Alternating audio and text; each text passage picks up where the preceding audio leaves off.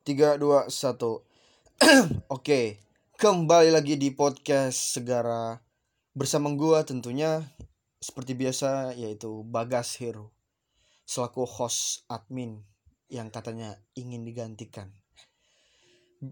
BTW podcast kita pernah dibajak ya sekali sama Kak Cindy yang mana dia itu member Segara dan juga dan gue kaget dia juga salah satu founder atau CEO di komun sebelah ya yaitu namanya MLII media literasi atau literatur gitulah Indonesia cukup cukup excited sih gue dia bisa ngebajak podcast kita katanya suara dia bagus sih dan gue pengen ngebuktiin di podcast gue kali ini gue bisa bersuara yang bagus seperti Kak Cindy. Gue gak mau kalah dong. Masa admin podcast mau digantiin nama Kak Cindy?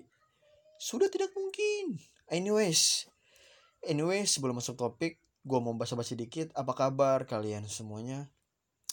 Semoga sehat selalu om tante kalian, bibi, paman kalian, pak de bude, ibu bapak kalian, kakak adik kalian, tante, pak de bude, bibi bibi, teteh teteh kalian, akang kalian sehat selalu dan semoga masih dalam keadaan negatif covid sih.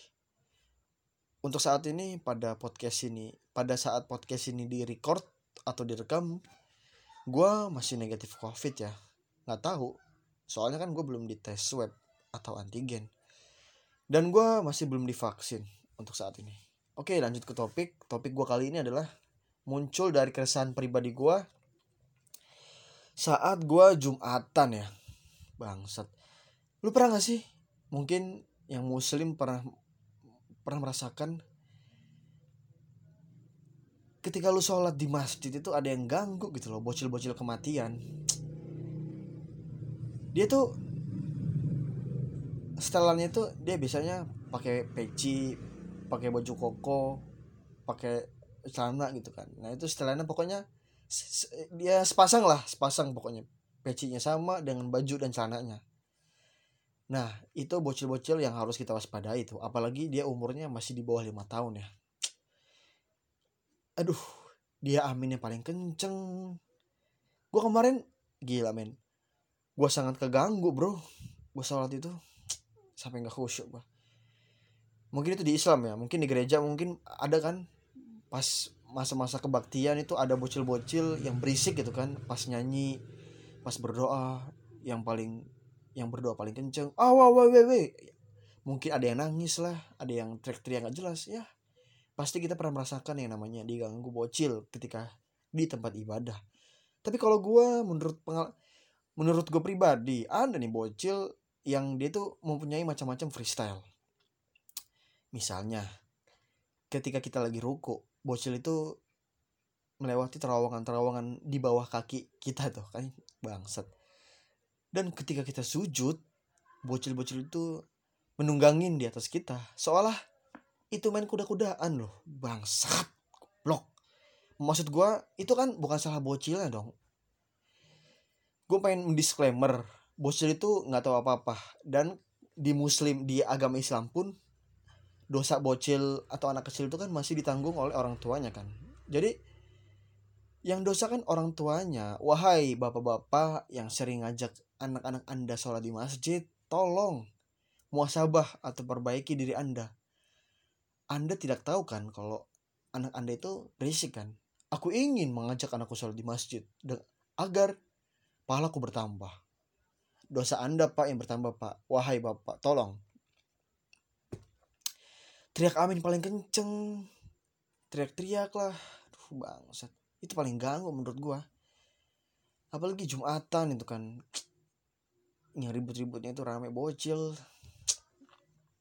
Maksud gua gini Pak. Maksud gua jika lo mempunyai anak yang sekiranya dikhawatirkan dia mengganggu